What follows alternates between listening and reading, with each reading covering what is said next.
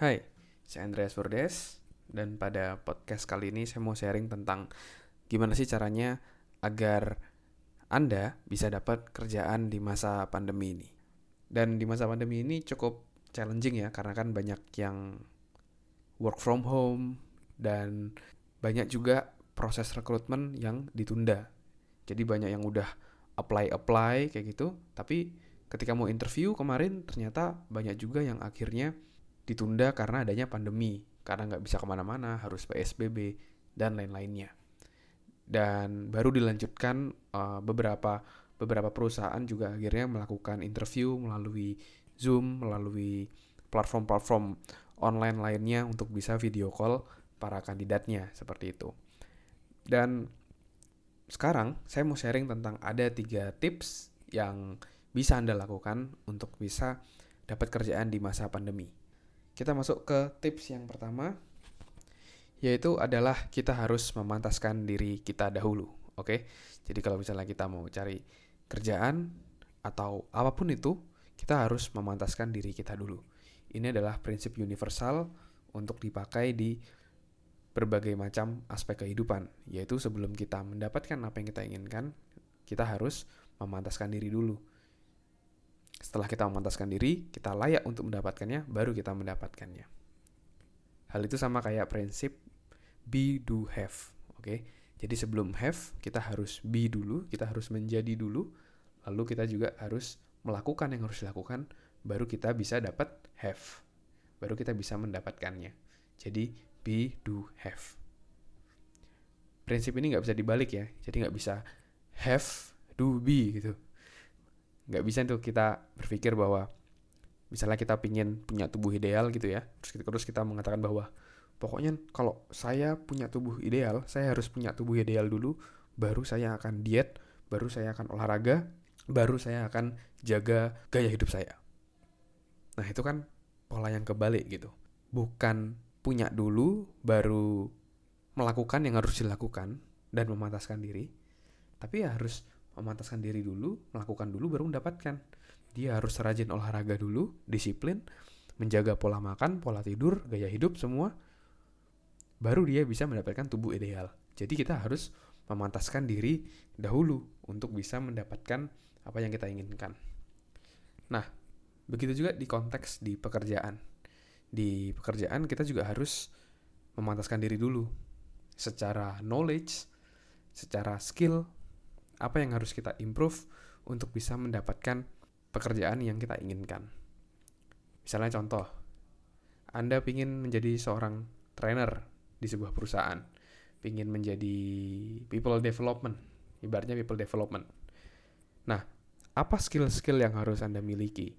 Anda harus bisa public speaking, Anda harus bisa tahu bagaimana cara melakukan TNA atau training need analysis, Anda harus bisa mengetahui caranya bagaimana mengukur efektivitas pelatihan, dan lain-lainnya.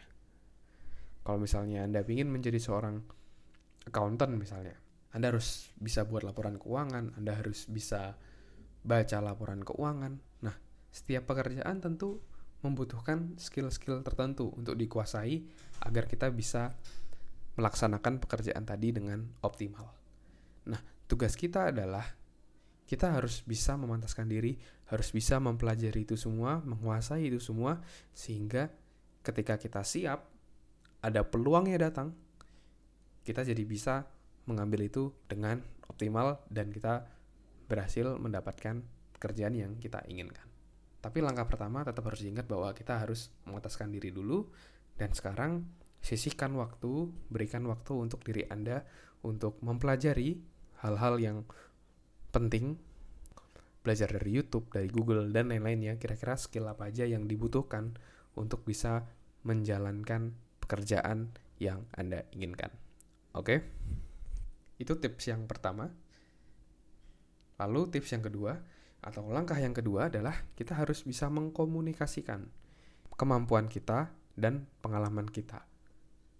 Karena percuma kalau kita punya skill bagus tapi yang tahu cuma kita sendiri ya percuma gitu. Orang lain pun harus tahu kemampuan Anda, kemampuan kita, pengalaman kita sehingga mereka tahu uh, kapabilitas kita dan mempertimbangkan kita untuk bisa masuk ke dalam perusahaannya ataupun menjalankan pekerjaan yang dibuka gitu ya uh, lowongannya seperti itu. Jadi teman-teman harus bisa mengkomunikasikan itu. Caranya gimana saran saya anda harus punya satu yang namanya akun LinkedIn ya itu seperti CV online Anda ya Anda bisa tulis uh, profil Anda di sana terus pengalaman kerja Anda, apa yang sudah Anda lakukan, apa yang sudah uh, Anda capai, segala macam hal-hal itu Anda bisa update di LinkedIn itu ya.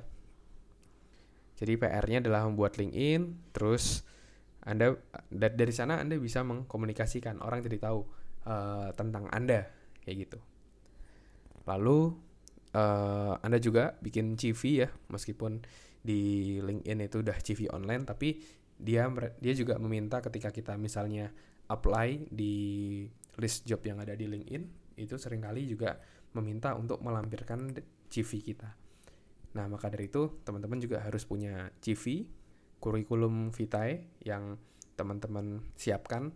Jadi ketika apply di LinkedIn di job yang ada di LinkedIn tadi di sebuah perusahaan, Anda bisa melampirkan CV tadi, oke? Okay?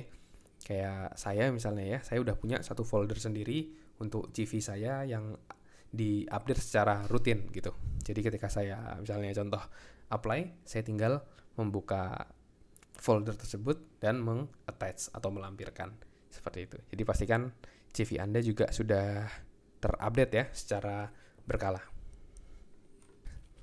dan satu lagi selain dari LinkedIn dari CV juga dari sosial media nah jadi teman-teman di sini pakai Instagram mungkin, pakai uh, Twitter dan lain-lainnya. Misalnya contohnya saya juga pakai Instagram.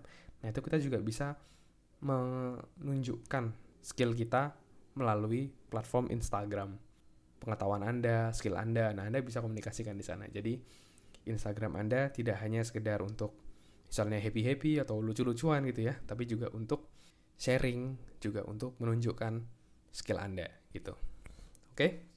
Sebelum kita masuk ke step yang ketiga, saya mau ngasih info bahwa kalau misalnya Anda mau contoh CV yang saya buat gitu ya, apa aja aspek-aspek yang penting yang di CV yang harus ada di sana sehingga semakin meyakinkan gitu. Kalau Anda mau contoh CV saya, Anda bisa uh, eh, DM saya di Instagram ya di @andreasbordes. Anda bisa DM nanti saya akan kasih info selanjutnya. Oke? Okay?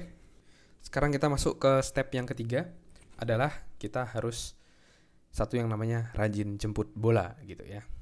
Kalau misalnya Anda sudah punya nama, sudah punya experience, dikenal oleh banyak orang, biasanya kan ada headhunter.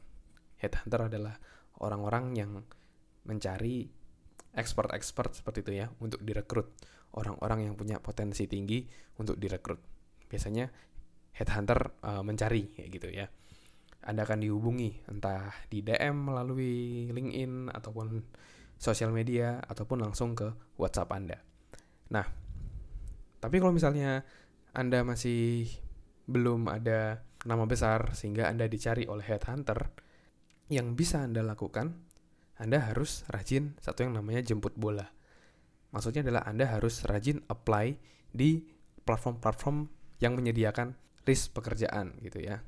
Kalau saran saya, yang pertama Anda bisa mulai juga dari LinkedIn. Jadi di LinkedIn itu seperti sosial media untuk para profesional, para pekerja. Nah, itu di LinkedIn ya. Jadi di LinkedIn juga ada uh, bagian untuk uh, list job yang ada di sana. Teman-teman bisa uh, klik di sana terus ada berbagai job juga yang ada di sana yang bisa Anda apply gitu. Di LinkedIn pun juga saya memiliki beberapa inceran untuk pekerjaan ya gitu. Maka dari itu saya menyalakan notifikasi, job notification. Jadi setiap kali ada job notifikasi dari pekerjaan yang saya inginkan, saya akan dapat notifikasi dan saya bisa segera apply. Nah, itu salah satu uh, strategi saya. Jadi saya rutin update di CV saya seperti itu di CV dan juga di LinkedIn saya dan saya juga uh, menyalakan job notification sehingga ketika muncul saya bisa langsung apply. Nah, itu bisa Anda lakukan juga strategi seperti itu. Oke, itu dia tadi tiga tips agar Anda bisa dapat pekerjaan di masa pandemi ini. Yang pertama, Anda harus bisa memantaskan diri Anda, pelajari semua skill dan knowledge yang harus Anda miliki, pelajari dari YouTube, pelajari dari Google, dari mana pun itu Anda bisa pelajari. Sekarang era informasi terbuka, Anda bisa belajar dari mana aja. Banyak juga di Instagram yang mulai sharing-sharing juga gitu ya, Anda bisa juga belajar dari sana. Lalu yang kedua adalah Anda harus komunikasikan pengalaman dan kemampuan Anda, update CV dan LinkedIn Anda secara berkala, Pakai juga sosial media untuk menunjukkan ekspertis Anda atau kemampuan Anda. Dan yang ketiga adalah harus rajin jemput bola. Jadi apply di berbagai macam job platform. Setelah Anda tes ke berbagai platform tadi, setelah itu Anda bisa fokus juga ke beberapa platform aja yang Anda mau fokuskan gitu ya. Kayak saya misalnya fokusnya akhirnya jatuh di LinkedIn gitu dibandingkan platform yang lain. Tapi yang pertama Anda harus tes dulu. Oke? Okay? Demikian sharing dari saya, semoga bisa bermanfaat buat teman-teman yang mau contoh CV saya, teman-teman mau coba perhatikan bagaimana cara penulisan, cara polanya, pola susunannya seperti apa. Anda bisa DM saya di Instagram di @andreasbordes, oke? Okay? Anda bisa follow, lalu Anda bisa DM di sana. Nanti saya akan berikan uh, contoh CV saya sehingga teman-teman bisa membuat yang kurang lebih bisa sama lah. Dan penulisan CV ini juga saya buat sekomprehensif mungkin sehingga bisa menunjukkan skill saya. Dan teman-teman bisa contoh bagaimana pola susunannya dan pola uh, penulisannya seperti apa. Oke, saya doakan kita semua selalu sejahtera, selalu sukses, dan selalu bisa bertumbuh setiap harinya jadi pribadi yang jauh lebih baik lagi. Sukses selalu buat kita semua. Saya Andreas Bordes. Semoga bermanfaat.